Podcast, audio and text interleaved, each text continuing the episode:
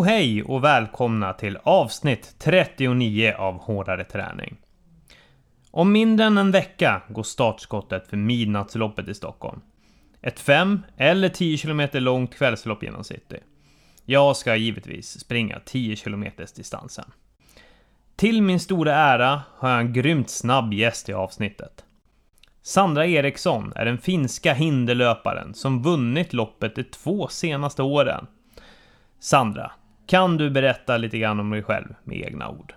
Ja, vem jag är?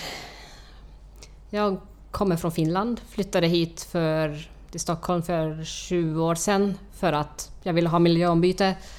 Ehm, skulle stanna här ett halvår, men det ble, blev som det blev med det. Jag har eh, sprungit, ja, typ sen jag kunde gå egentligen. Och eh, varit med i landslaget sen 2007. Och har hunnit med några mästerskap senaste åren. Så, typ det. Typ det. Och eh, din paradgren eller din huvudgren är alltså hinder. Ja. Hur kom du in på det? Varför hamnade du där? Ja, jag har ju alltid...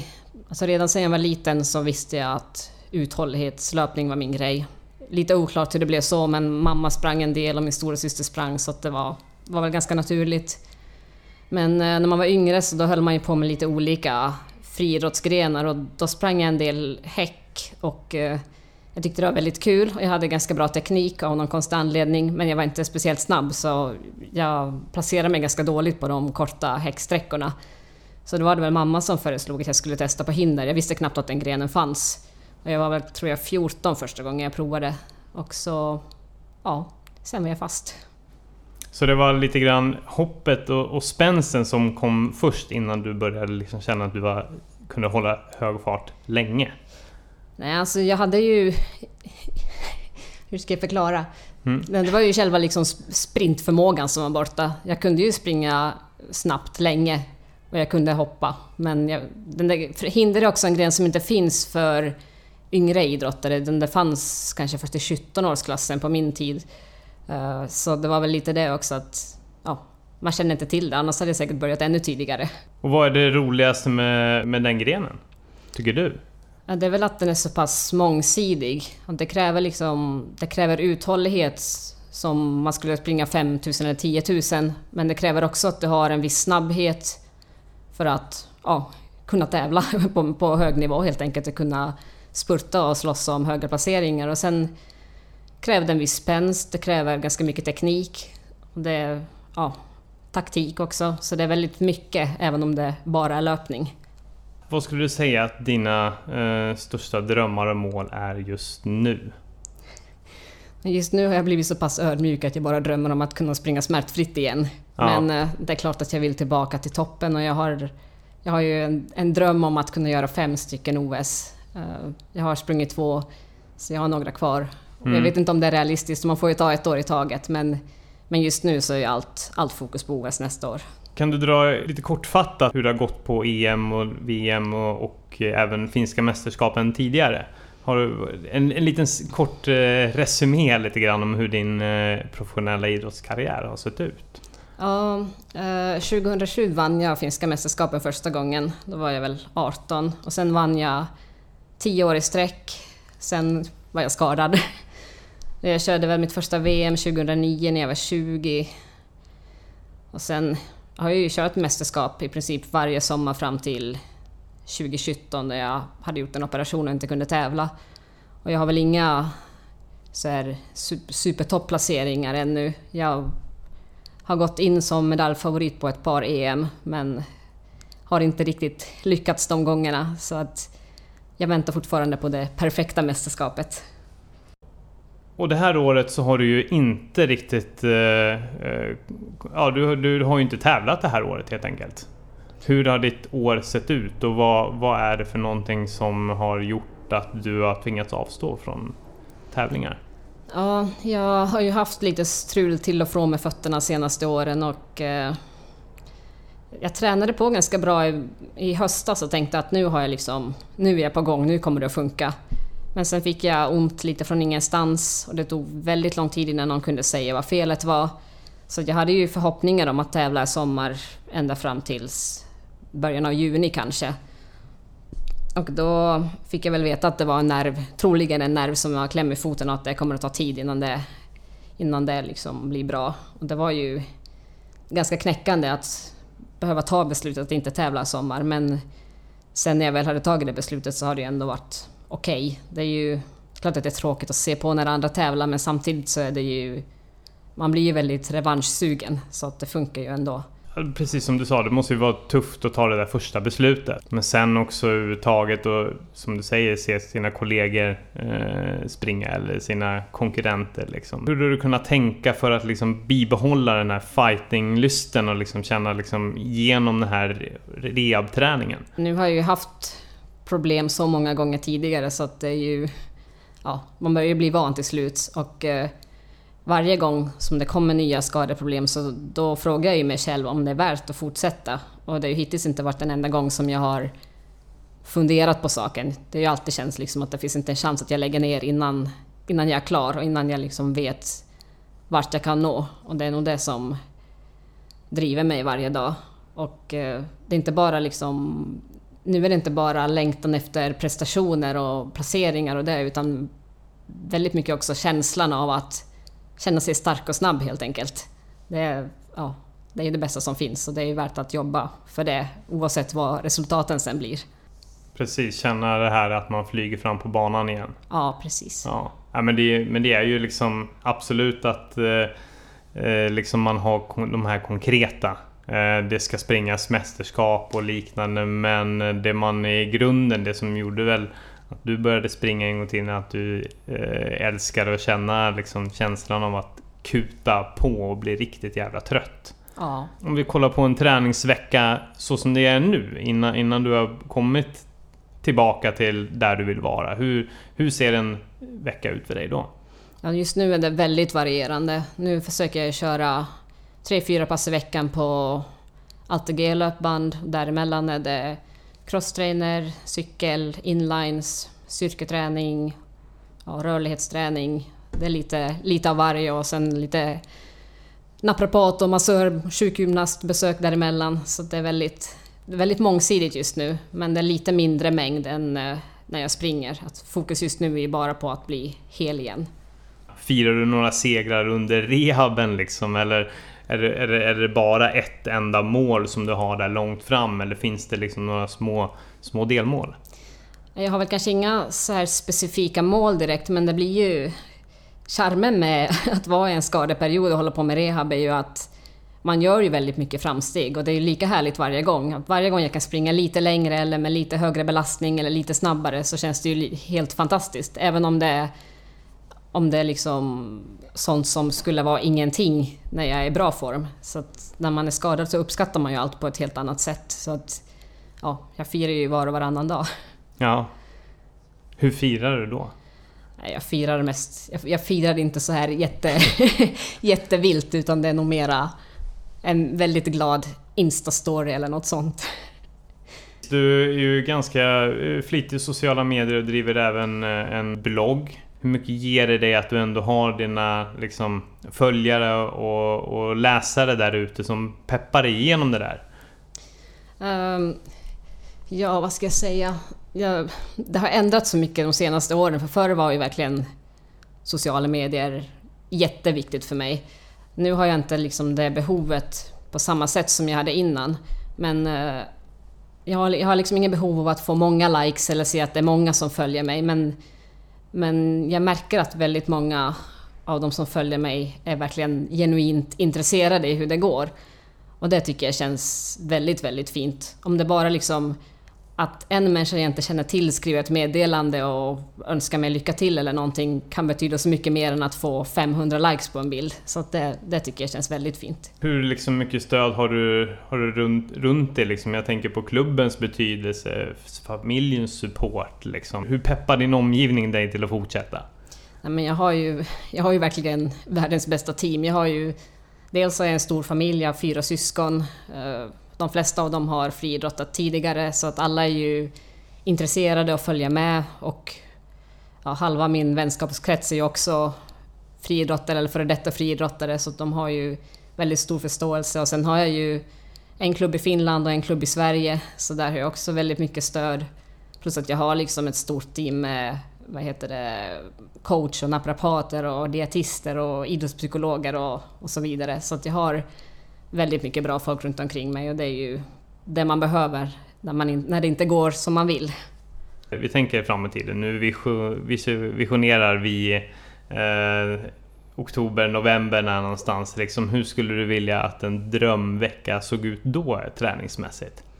Ja, det är ju verkligen den bästa tiden på året. Jag är alltid så himla motiverad på hösten så jag hoppas verkligen att jag kan, kan träna som jag vill då och verkligen komma upp i löpmängd och ligga kring ja, 14-15 mil i veckan. Och få liksom ja, kunna träna det jag vill utan att behöva känna efter hur det känns. Det är liksom bara det det handlar om. Eh, att du är extra motiverad under hösten, alltså det kan ju inte vara supervanligt. De flesta är väl peppade på att vara ute och springa på sommaren och sånt där. Liksom. Vad, är det, vad är det med hösten som gör att du triggas igång? Ja, men jag tror lite att det är det att jag skulle säga att månadsskiftet september-oktober, det är ju friidrottens nyår. Så det är liksom det är då man får den där nystartskicken som andra får i januari. Den får ju vi i oktober. Så jag tror att det är det att man känner att nu har jag ett helt år på mig att jobba för nästa säsong. Plus att det bara är jättehärligt ute på hösten. Ja. Är det, du menar typ att det är då man lägger verkligen grundträningen då, för, ja. för det kommande? Ja men precis. Ja. Har du stött på några motgångar eller har det bara alltid varit helt självklart att du ska ta dig igenom rehab? Eller finns det dagar som du funderar på, ja men nu skiter jag i det här? Ja, det finns ganska många sådana dagar. Det finns väldigt många dagar när jag smsar min tränare eller säger åt min sambo att nu lägger jag ner, jag tänker inte göra det här längre. Men eh, mm. det är ju väldigt få gånger som jag menar det också. Men det är klart att man funderar ibland att hur länge är det värt att fortsätta. Men jag känner ju aldrig att jag vill lägga ner nu, utan då är det alltid att men jag kör den där säsongen i alla fall. Och sen ja, när det börjar gå lite bra så då blir det plötsligt att men jag kör fem år till, eller kanske tio år till. Så att det, det har nog aldrig känts på riktigt som att nu vill jag lägga ner. Mm. Vilka ord är det ofta som får dig att liksom snap out of it när du börjar tveka? Ofta så gnäller jag åt min tränare att ja, men jag kommer aldrig att bli så bra som jag vill, jag kommer inte klara de där tiderna, jag kommer inte att ta de där medaljerna. Och då säger han vad han tror och hur snabbt han tror att jag kan springa. Och då blir man ju ändå... Känns det på något vis som att det kanske är värt att ge det en chans och se om det går. Det, det, krävs inte så mycket för att få mig att ändra åsikt igen. Du behöver bara höra någon som säger åt dig liksom. Ja. Eller liksom skärp ja. till dig nu, nu kör ja, vi liksom. Du, ja. Det är helt rätt. Ja, men så, sånt är ju så otroligt viktigt att man har folk runt sig som kan, kan, kan få en att skärpa till sig. Liksom. Ja. Oavsett ifall det är familj eller sambo eller, eller vad det nu är. Liksom. Eller en tränare eller en, eh, en kamrat som man ofta tränar med. Liksom, som ja, kan... Det behöver ju finnas någon som tror på en när man tvivlar på sig själv ibland. För det gör ju alla i något skede. Ja, så är det verkligen oavsett ifall man är på elitnivå liksom, och, eller ifall man bara liksom försöker komma i form för första gången. Liksom. Ja. Mm. Om vi går tillbaks lite grann till det här liksom, hur du rehabtränar. Uh, du nämnde det här Alter G. Uh, ja. hur, hur fungerar det?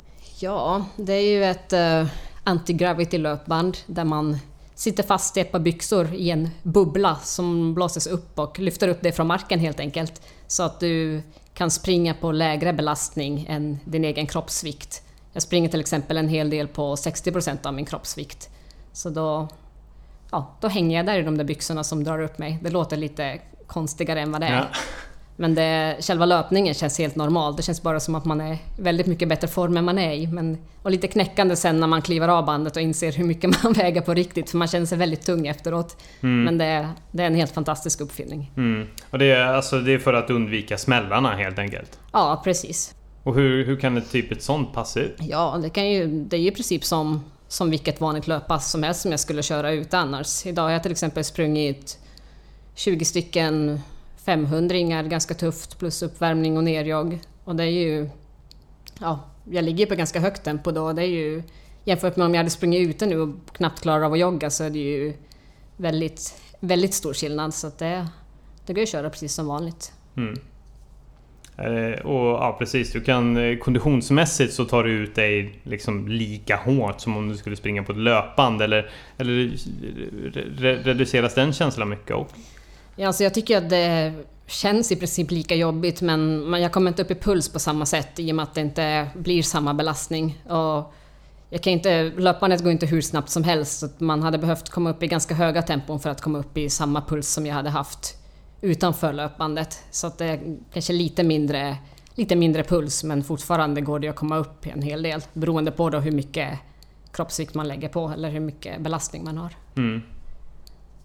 Hur känns fötterna eller liksom i dagsläget? Liksom? Hur är statusen? Väldigt oklart. Jag, jag vet inte riktigt. Det gör lite småont ibland och ibland så tror jag att det blir sämre men sen händer det ingenting. Så det är lite, lite upp och ner men jag har kunnat träna enligt plan senaste veckorna i alla fall så det tänker jag att det är positivt. Mm. Har du något så här mål att eh, då ska jag testa att ta min första runda utomhus eller liksom då ska du testa det här för första gången, smyga igång eller när, när vet du att du kan ja, börja laborera?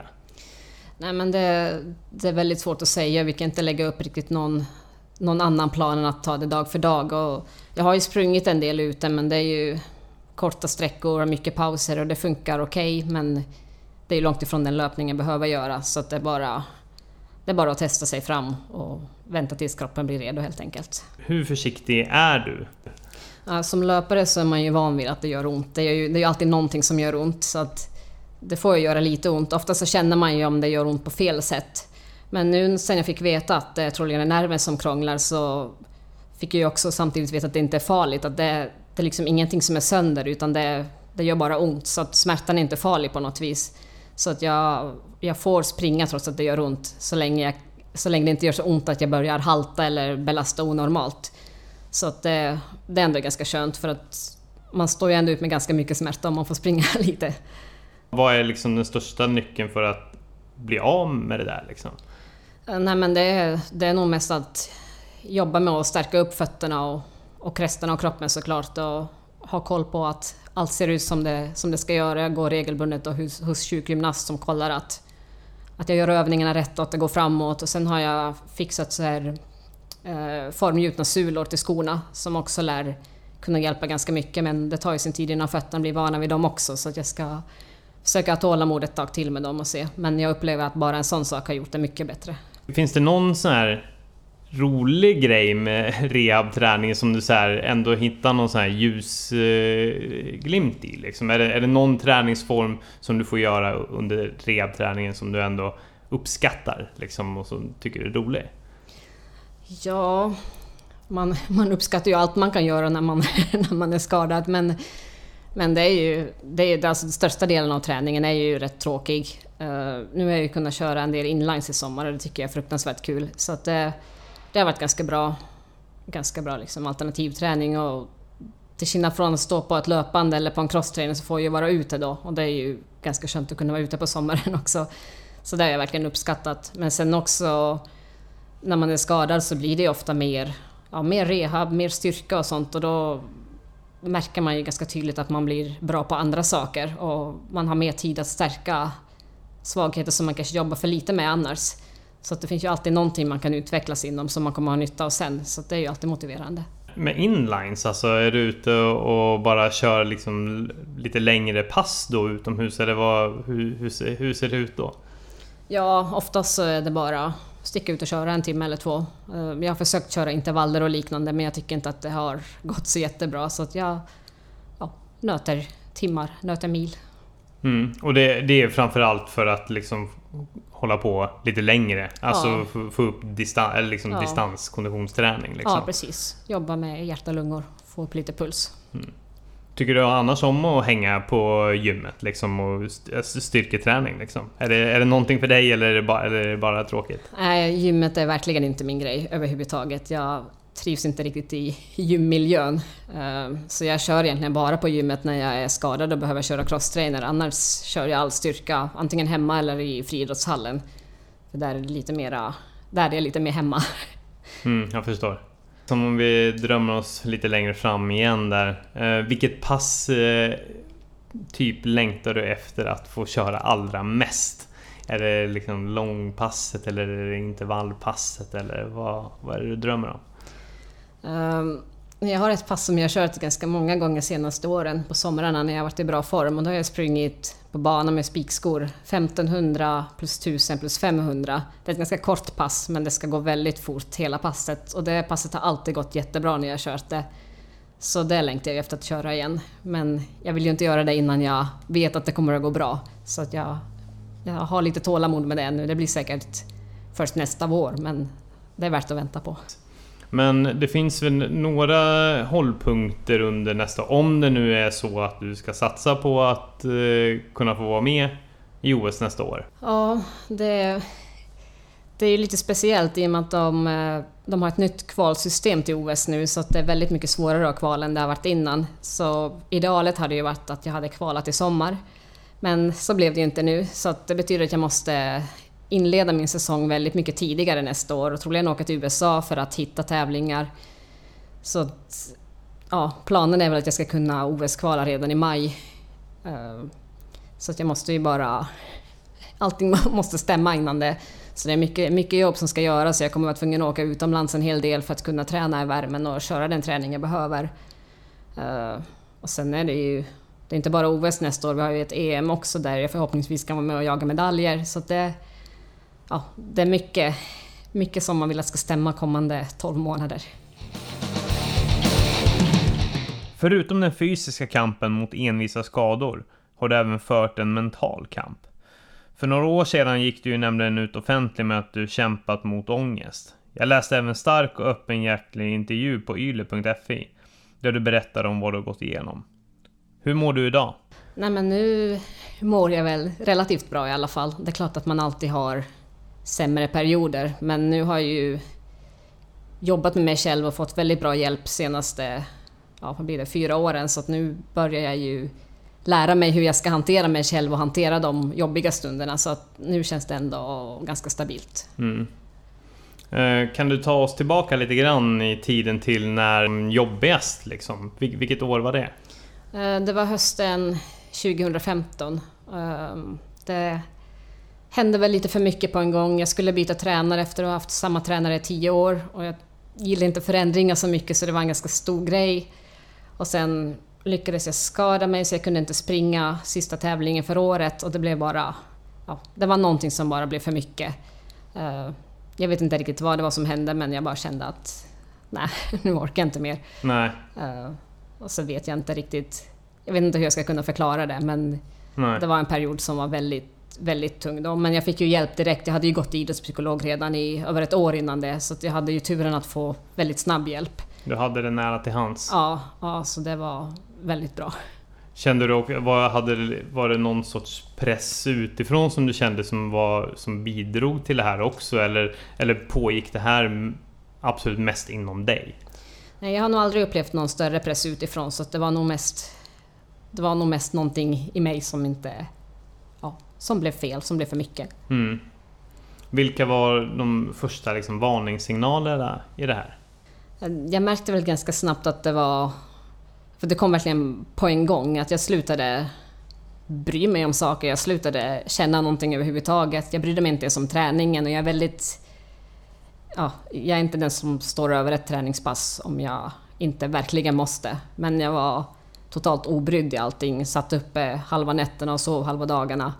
Så jag märkte ju ganska snabbt att det är ju inte som det ska vara. Har du fått någon förklaring på liksom, ja men, var, varför du, så här i efterhand, varför du kände som du gjorde? Att, just det här att man inte brydde sig? Jag tror att det är att det är så pass mycket ångest och så mycket jobbiga känslor att det på något vis man orkar inte ta det så då stänger man helt enkelt av istället och slutar känna någonting överhuvudtaget för att slippa allt det jobbiga. Men med facit i hand så är det ju än, ännu värre att inte känna någonting alls. Det är verkligen obehagligt. Så att, det, det är i alla fall den förklaringen jag har fått och det låter ju ganska logiskt. Mm. Vad var det du fick för hjälp där som gjorde att du kunde lyckas ta dig ur det? Uh, det viktigaste var ju att jag hade någon som jag hade förtroende för som jag kunde prata med. Det var ju liksom ja, det som kändes absolut viktigast. Och sen när det hade gått kanske nio månader eller någonting och det fortfarande var ganska mycket upp och ner och lite för mycket ner. Då fick jag ju gå vidare till en psykiater eh, och hon skrev ut antidepressiva åt mig, vilket jag var väldigt skeptisk till i början. Mm. Men sen när jag väl vågade testa så blev det ju väldigt stor skillnad och det blev så mycket mer stabilt så att det var det var verkligen värt det. Så Mm. medicinering och terapi. Mm. Kom var det en lång process att komma tillbaka eller blev det, blev det snabbt bättre när du fick den här hjälpen som du behövde? Ehm, eh, när jag väl började medicinera så blev det ganska snabbt bättre men det var det är också det tar ju en stund innan kroppen vänjer sig och i början var det ju ja, det kunde vara väldigt bra men det kunde också vara helt kaos så att det var jag började medicinera i april, maj 2016 tror jag och det var också en väldigt viktig säsong med både EM och OS så det var kanske lite dålig timing för att det gick lite upp och ner under hela sommaren och ja, det var lite olyckligt men jag tror inte jag tror ändå att det var bättre än att jag inte hade medicinerat alls, men det var lite, lite kaos där. Men, men från och med hösten 2016 så var det väldigt stabilt. Som jag förstått det som så är det, så är det ändå vanligt inom idrottsvärlden just med eh, alltså psykisk ohälsa, ångest och liksom vad, vad, vad tror du att det beror på? Vad jag har förstått det så är det, även om man ser att det är vanligt, så är det väl inte speciellt... Alltså det är väl inte fler idrottare än vanliga människor som lider av psykisk ohälsa, utan det är väl ungefär samma siffror det handlar om. Men inom idrotten så är det väl dels press utifrån, dels att väldigt många har väldigt hög press på sig själv och att sen att man väldigt lätt bara identifierar sig som idrottare. Så går inte idrotten bra så är man inte värd någonting. Jag tror att det är väldigt lätt, eller väldigt vanligt med den känslan. Mm. Sen känns det också som att eh, media och folk runt om förväntas att bara för att man håller på kanske med idrott och, eh, och liksom satsa så ska man vara världens lyckligaste person och eh, liksom och så vill man upprätthålla det liksom. Hur, hur mycket liksom hur hur mycket är det liksom det? Att, så här, förväntningen att man ska vara den här glada, checka idrottaren som kan spela in i det där? Ja, men det är säkert en del av det och många tror ju på något vis att, att det är lite lyxliv att vara idrottare. Att, ja, man får träna hur mycket man vill, det är kul att träna, man får bra hjälp och man får åka runt på resor överallt och klubbarna betalar och så här. Men eh, det är ju liksom den mentala kampen, den syns ju, syns ju inte utåt. Och den tror jag att det är väldigt svårt att förstå om man inte är en del av det. För det är verkligen små marginaler det handlar om hela tiden. Minns du hur du var utåt när det här hände? Försökte du dölja det liksom under en period eller hur, hur, hur fungerade du när du var inne i det? Ja, speciellt just eh, tävlingssäsongen 2016. Då var jag ju... Jag mådde ju inte bra den sommaren men... Men jag var ju liksom... Jag var ju rädd att jag inte skulle få vara med i landslaget. Att de skulle se mig som svag för att jag inte mådde bra. Och det är ju inte alls samma sak. Men jag, var, jag ville inte prata om det överhuvudtaget. Jag ville inte att det... Alltså jag, jag pratade om det med mina närmaste såklart, men jag ville ju inte att media skulle veta om det eller att landslagsledningen skulle veta om det. Mm. Så att det, det är ju himla tråkigt att det är så. Jag tror tyvärr att det har att det finns sådana som fortfarande ser psykisk ohälsa som en svaghet. Det är ju jättetråkigt. Du tog ju ändå beslutet att eh, ja, men gå, gå ut med det offentligt till slut. Vad, vad var dina tankar kring det när du valde att eh, prata om det? Ja, jag hade ju funderat väldigt länge på det, eh, men jag ville inte prata om det innan jag kände mig så pass stabil att jag visste att jag skulle kunna ta det oavsett vad jag fick för reaktioner. Eh, men det jag kände var väl mest att, att om jag på något vis, genom att berätta min historia, kan hjälpa en enda idrottare till att må bättre eller att våga söka hjälp eller vad som helst, då är det ju ändå då är det ju värt det. Så att det var ändå ganska lätt beslut att, att ta sen när jag väl ja, fick förfrågan. Om du skulle ge några rekommendationer liksom eh, vad, vi- Vilka är liksom lite grann de första varningssignalerna skulle du säga som, som man kanske bör vara uppmärksam på? Oj, den var svår. Ja, Nej men jag tror ju att det är mycket när, när livet liksom saknar betydelse vid sidan om idrotten. Det, det, kommer, ju- det, det är liksom inte hållbart. Och det märker man sällan innan man väl får problem inom idrotten eller det inte går så bra. Det är klart att man får att man får må dåligt eller bara ledsen när det inte går bra. Men man är ju fortfarande inte mindre värd som människa. Så det är väl mycket det, att komma ihåg att det inte är, du är inte bara idrottare. Nej, precis. Och vart är det man bör vända sig då? Helt enkelt. Vad, vad, vad finns det för hjälp där ute? Ja, nu har jag i alla fall gått till, eh, det finns ju en klinik för elitidrott och hälsa på Östermalm. Det finns en i Malmö också tror jag. Och den vänder sig till, jag tror att det bara är landslagsidrottare. Eh, så det är väldigt bra. Men eh, annars så tror jag att alltså, vem, vart som helst, alltså prata med vem som helst. Det behöver inte ens vara professionell hjälp i början utan bara, bara att prata med någon som lyssnar. Jag Mm. tror att det är det som är det viktigaste, att inte bara gå och grubbla och hålla allt för sig själv. Nej men det finns ju, det finns ju både i, i närheten, i, hos familjen, hos sina tränare eller liksom... Ja, det finns ju olika hjälplinjer som man kan ta sig till liksom för, att, för att få den hjälpen att komma ut. Under den här perioden, fick du ut någonting av... Fortsatte du träna då eller tog du en paus från det eller var, var träningen en viktig del i att komma, komma tillbaka ur det här? Hur, hur såg du på det då? Mm, I början tränade jag väldigt lite men det var också dels att jag var skadad och sen också att säsongen precis hade tagit slut så då har man ju en period med lite lättare träning så det var inte så stor skillnad vad jag gjorde då utan det handlade mest om att hålla igång lite. Eh, men sen började jag ju träna som jag skulle och det körde jag ju hela tiden och det hjälpte ju mig ganska mycket i och med att, att jag höll mina rutiner helt enkelt. Att jag gjorde de träningar jag skulle och för att jag skulle kunna göra dem måste jag äta ordentligt och jag måste sova vettiga tider och sånt. Så att det, var, det är klart att det var skitjobbigt att sticka ut och träna ibland men jag visste ju samtidigt att det kommer vara ännu jobbigare för mig om jag inte gör det. Så att det, ja, det var jobbigt men det, det hjälpte ju otroligt mycket. Så jag känner mig väldigt stabil just nu och jag går fortfarande regelbundet hos min eh, idrottspsykolog och det kommer jag säkert att göra så länge jag idrottar för jag tycker att det, det är värt att ha den hjälpen även när det inte är skitjobbigt. Eh, men eh, i övrigt så tycker jag att, det, att jag håller mig i balans. Mm. Jag tänkte att du skulle hoppa fram lite grann. Nu, nu har vi gått igenom liksom din karriär och din rehabträning och, och, eh, och, eh, och även eh, tagit upp det här med den psykiska ohälsan och gå in på någonting som som var faktiskt grunden till att jag från första början tog kontakt med dig. Och det är ju som sagt var för att du har ju vunnit Midnattsloppet de två senaste åren. Och eftersom jag ska springa det nästa helg.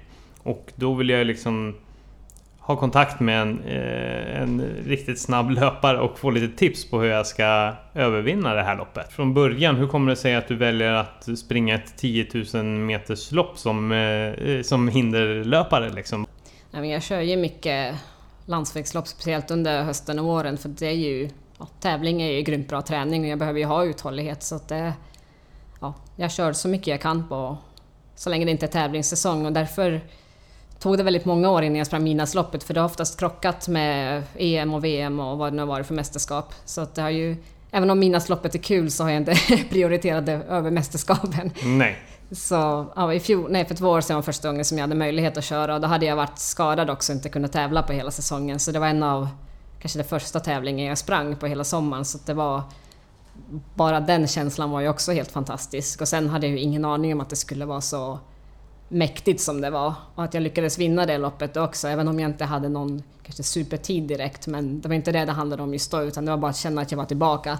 Så det var verkligen... Jag var så här helt uppe i varv hela dagen efteråt, så det, var, det var häftigt. Coolt. Men vad, vad tycker du om banan? Det är ju ingen så här extremt lättsprungen bana direkt. Att det, är ju, det går ju i princip upp eller ner hela tiden. Det, det är väl bara en backe som är riktigt brutal och sen några halvjobbiga backar. Men sen är det ju också väldigt mycket 90 graders svängar. Och där är det ju svårt att hålla tempot, speciellt när det blir trångt och folk ska ha innekurvor och allting. Så att den är ju... Det är inte den banan man väljer om man vill göra en bra miltid. Men eh, om man vill ha en upplevelse så väljer man den. Mm. Och om du skulle liksom ge några konkreta tips liksom på hur man ska hantera de här snabba svängarna och backarna och sånt där. Liksom hur, hur ska man liksom, om man, om man nu vill springa snabbt liksom och, och ja, ha lite mer ambitioner än att, än att bara njuta av stämningen. Ja, det som jag brukar säga, nu är jag ingen löptränare på det viset, men det jag brukar säga är att utnyttja nedförsbackarna. För ofta är det så mycket fokus på att man ska ta sig upp, men om man vågar köra på utför när det går lite lättare så kan man vinna ganska mycket tid. Så att den eh, långa tunga backen upp till eh, Sofia kyrka, den är ju liksom huvudutmaningen för många. Men jag brukar istället ta det lite lugnare där så att man är fräsch, eller man kan, man kan inte vara fräsch när man kommer upp, men så, så fräsch som möjligt så att man istället kan köra på utför när alla andra är skittrötta och inte orkar ner. För det sliter ju också att ta sig ner om man är riktigt trött i benen. Och sen finns det ju många så här långslutande backar längs hela banan så det är bara att köra på direkt, det känns Ja. lättare. Och starten är ju redan liksom, vad är det, en, två kilometer nästan bara utför. Så att man får köra på i starten även om alla säger att man måste öppna lugnt. Men jag tycker man ska köra. Ja, men det är väl lite så alltså, oavsett vad. Oavsett ifall du väljer att gå liksom eh, sänka farten med eh, tre sekunder per kilometer liksom för att ha kraft där så är det skitjobbigt fortfarande. Ja. Så jag menar, här, man, man ligger ju på gränsen hela tiden ändå. Ja. Jo men så är det. Men hur brant är den här backen? Jag har, inte, jag, är, jag har ingen begrepp om... Jag har inte sett den ens liksom. Eh, ja, nu har ju inte jag varit i den backen på ett Nej. år, men och jag kommer inte, jag är svårt att komma ihåg hur jobbig den var, men den är... Det jobbigaste är ju att den är lång. Mm. Och den är så pass brant att du ändå inte kan ha det där flytande löpsteget, utan det är... Det är ju lite klättring nästan. Så att det är klart att den är, den är lång och den är brant. Men det är också mycket folk som peppar längs hela vägen. Och sen är det ju... Det blir ju lite delmål också när du väl har kommit upp för den, för då vet du att då har du kanske halva loppet kvar och du har avklarat det jobbigaste. Så det... Ja, den är inte så farlig. Men man, jag tänker att man ska ha respekt för den, för då känns det lättare sen. Ja.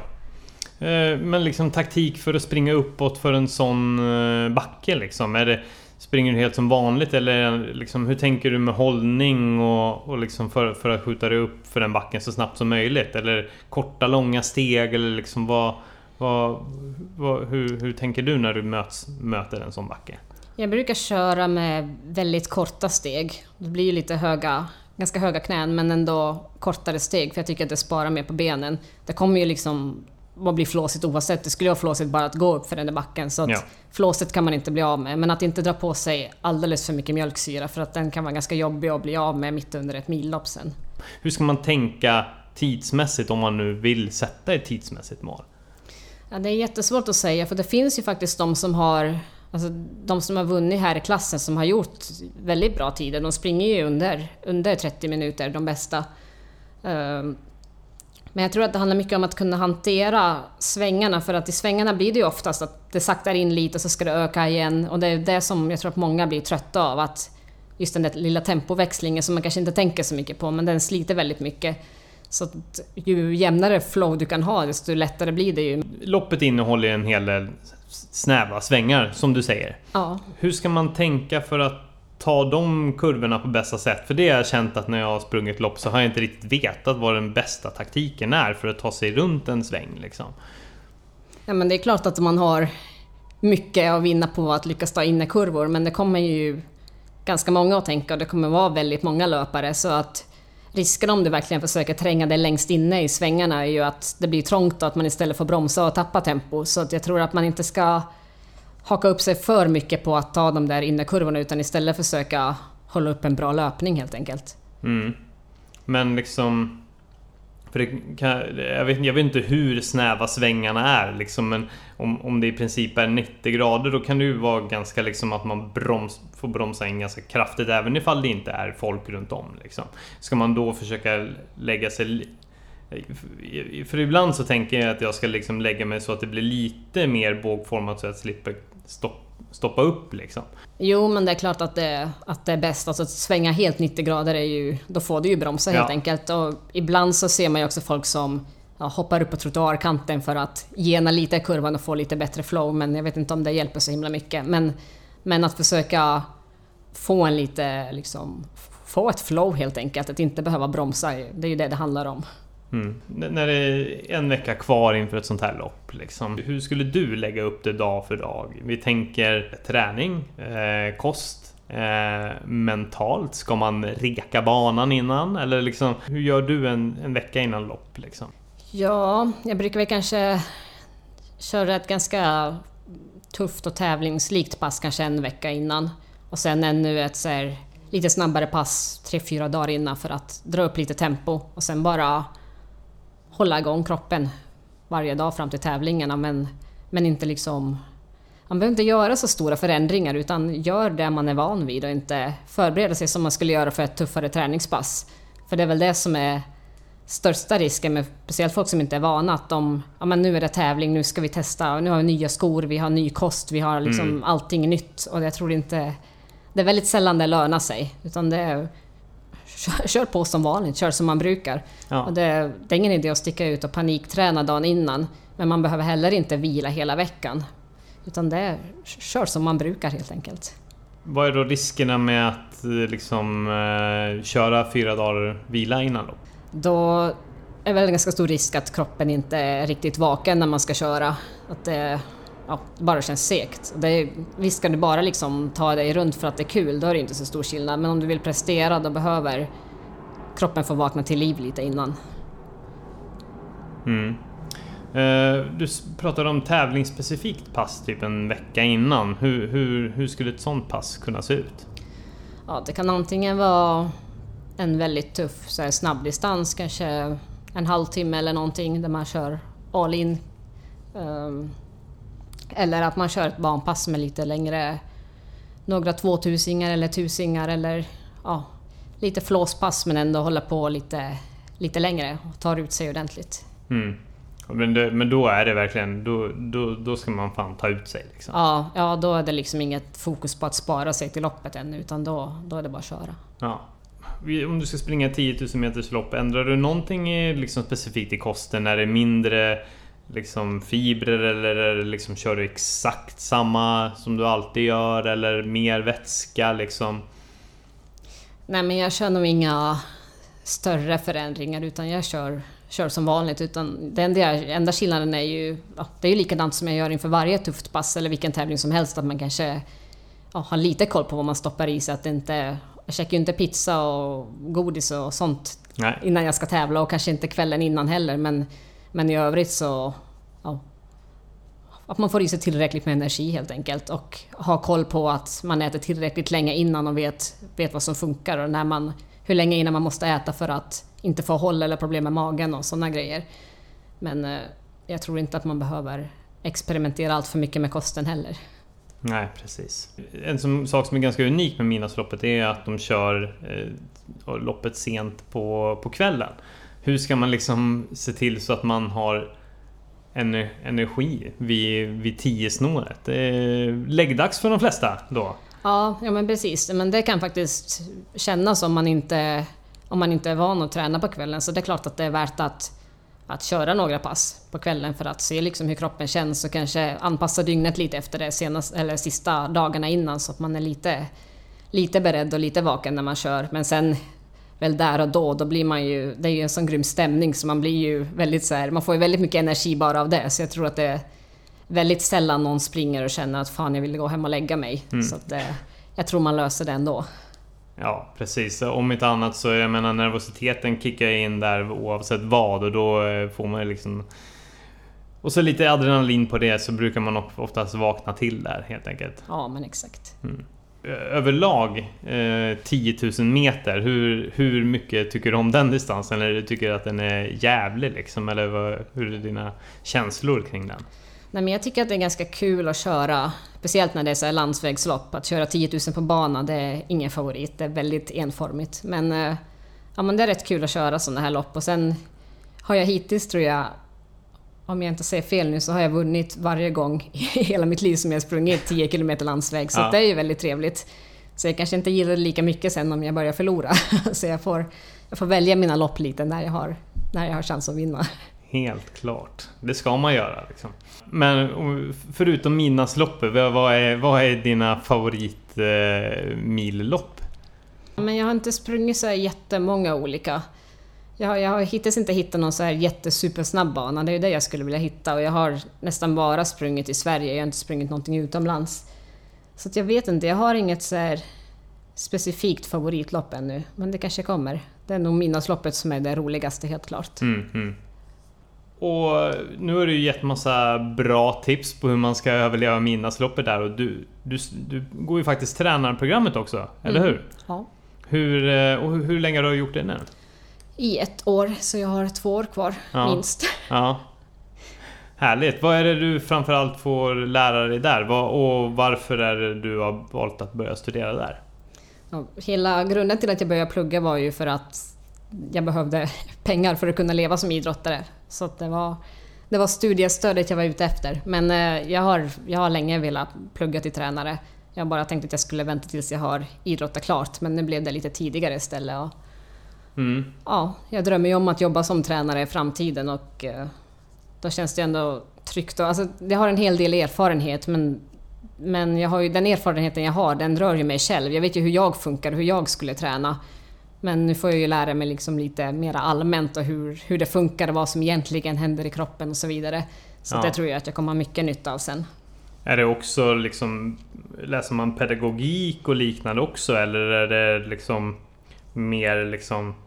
Det här händer i kroppen, det här gör du för att optimera och så vidare. Eller är det psykologi, psykologi också? Eh, Det är lite psykologi men det är ju främst träningslära. Så det är ju inte så mycket pedagogik och grejer utan det är mest, det är mest liksom kroppen. Mm. Vad har varit det roligaste hittills då? Oj, den var svår. Eh, Jag tycker att fysiologi har varit ganska intressant för att jag har inte haft så bra koll överhuvudtaget på vad som sker i min kropp. Både liksom, alltså allt det vanliga med hjärta och lungor och sånt, jag har inte alls kunnat det. Så det är ju så vanliga baskunskaper egentligen, så det har varit ganska intressant och lärorikt. Mm. Vad är det för kurser här framöver som du ser fram emot? Mm, ja... Vad känner du att du skulle behöva lära dig mer av själv för att bli en bättre idrottare? Oj, den var, Ja. den var svår. Men jag tycker att det blir intressant att lära sig. eh, Nu kommer vi att ha idrottsmedicin tror jag i höst och den blir spännande med både med skador och ja, lite sådana grejer. Och jag tror att det kommer att vara grundläggande massageutbildning och sånt. Så det tror, jag, Mm. det tror jag kan bli ganska intressant. För sånt behöver jag inte fundera så mycket på. Det har ju andra runt omkring mig som, som funderar på. Så att det, Mm. det blir bra. Ja precis, det kan vara bra att få en förståelse för vad de håller på med. Ja, men exakt. Ja. Eh, hur, hur funkar det att kombinera dina eh, studier med idrottande i, idag då? Eh, får du ändå tillräckligt med tid? Känner du till att göra det du vill göra?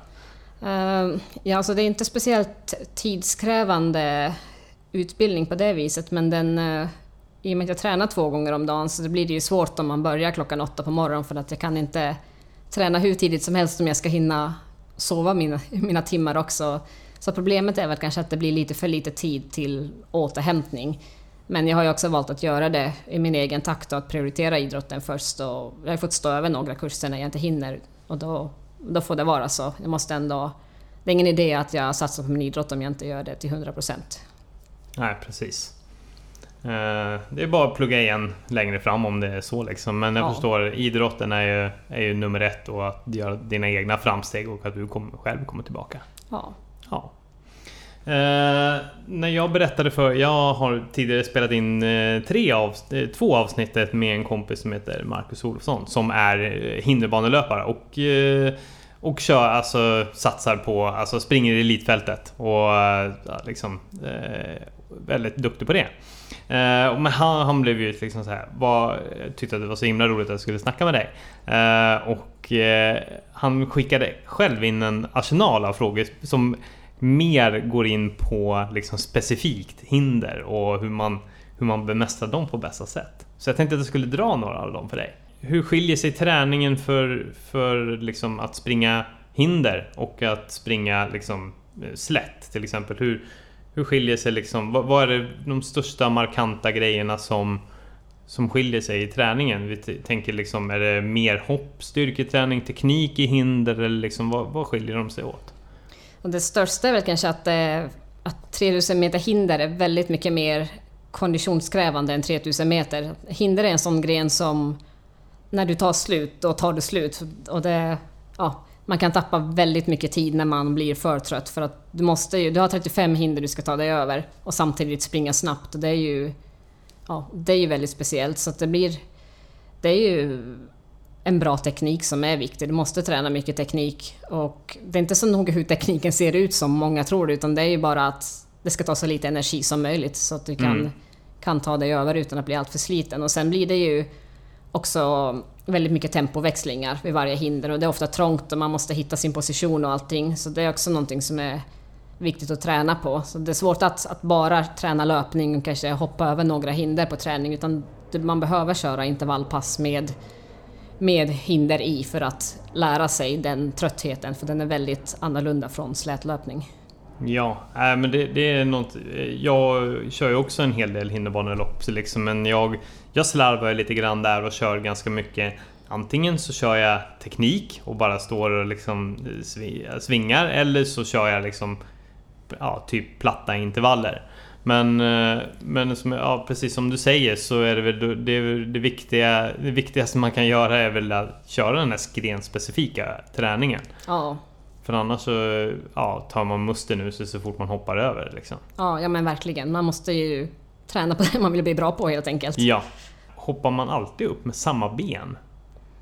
Mm, jag tror att det säkert finns de som gör det. Ja. Men uh, det är nog en väldigt stor Eh, fördel att kunna köra vilket ben som helst. Och de flesta hinderlöpare har ett starkare ben som de föredrar att använda.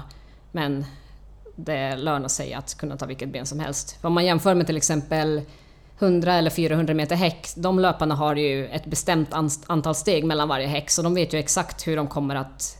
vilket ben de kommer. Men när man springer hinder så vet du aldrig riktigt innan. Och du får kanske anpassa dig för någon kanske bromsar in strax framför dig och sådär. Så att man måste lite kunna anpassa sig helt enkelt. Mm. Hur, hur gör du själv?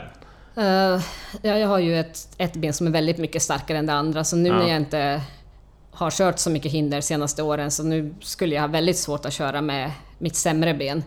Men det är bara, det är bara en vanesak. Men om man har kört lite så ja, då går det av sig själv. Och det, det är obekvämare med ena benet men det sparar tid. Mm, absolut. Så hur, hur många liksom, hur, hur mycket i procent hur använder du det starka benet kontra kontra det svagare benet ja, när du kör ett lopp? Ja, det är helt omöjligt att säga. Man går på känsla alltså? Ja, ja, det är bara som det råkar bli. Ja, för stunden alltså? Ja. Det, det, det, precis eftersom man inte alltid kan vara säker på att man kan inte räkna ut när man kommer fram till hindret vilket ben som kommer först eller liknande eller Ja men exakt, och det blir ju ofta att man antingen får förlänga några steg eller förkorta några steg. Man får ändra, ändra lite rytmen oftast strax innan innan hindret, för det är väldigt sällan man kommer perfekt. Och sen om, som sagt om det är folk i vägen så får man ju anpassa sig efter det också. Så att det är väldigt... Ja, det kan bli hur som helst. Mm, mm. Uh, sen så...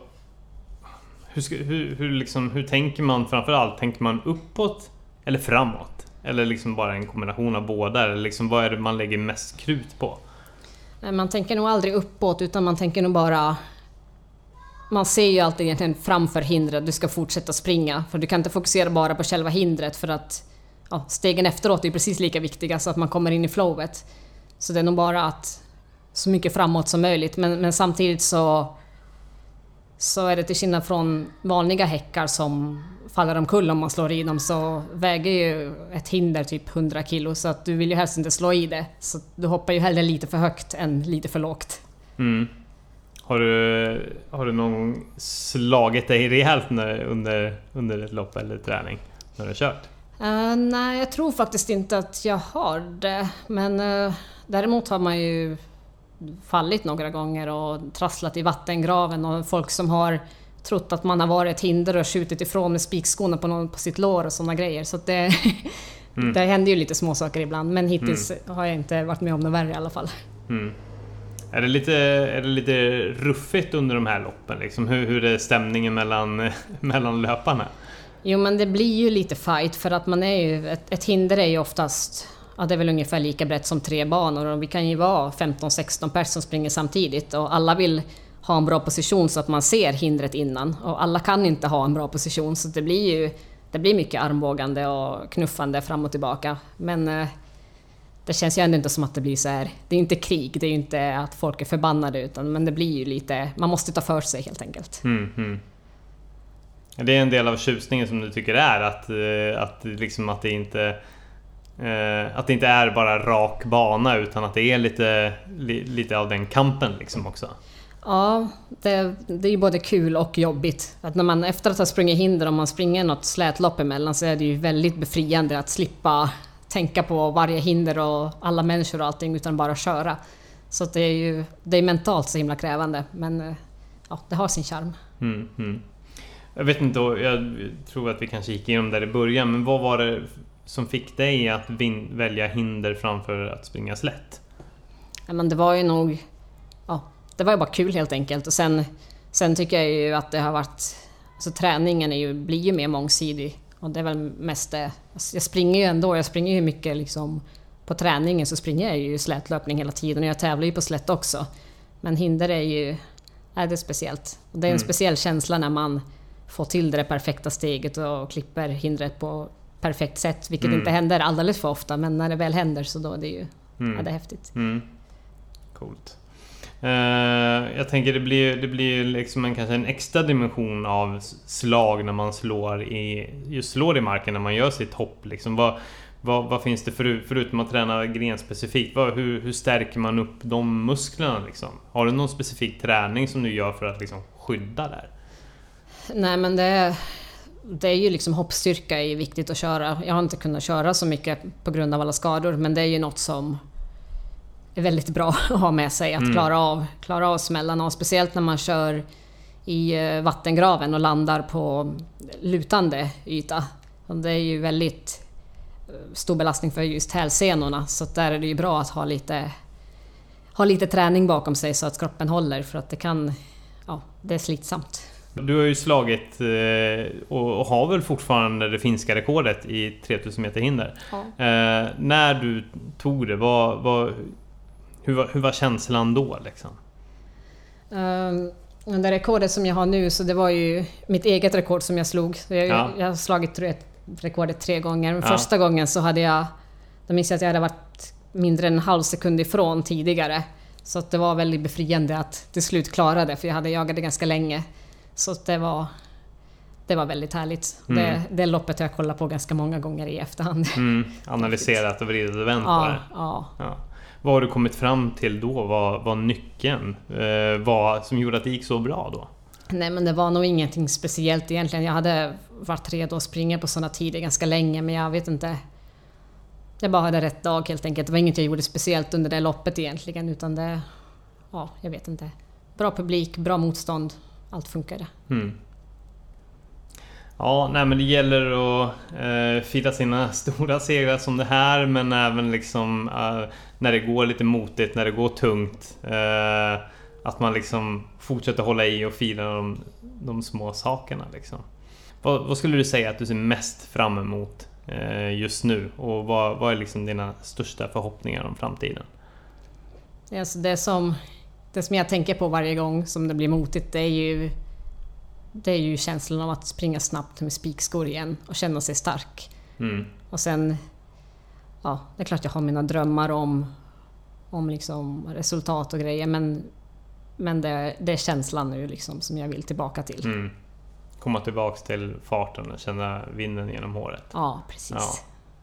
Ja men du sliter ju du sliter ju hårt som fan och du är ju envis och gör ju din träning. Förr eller senare så är jag övertygad om att du kommer få en utdelning. På det ena eller andra sättet. Ja, man får ju hoppas på det. Ja. Jag tror att det var lite grann det som vi hade att snacka om idag. Mm. Uh, och det var väldigt roligt att du ville komma hit och ge dina tips och ge dina insikter om liksom hur det är att vara elitidrottare. Både genom skiten och genom det roliga. Uh, och det är grymt inspirerande att höra hur du, hur du ändå, alltså så hårt som du kämpar med din rehabträning och håller humöret uppe liksom och, och siktar på att komma tillbaka i full fläkt liksom.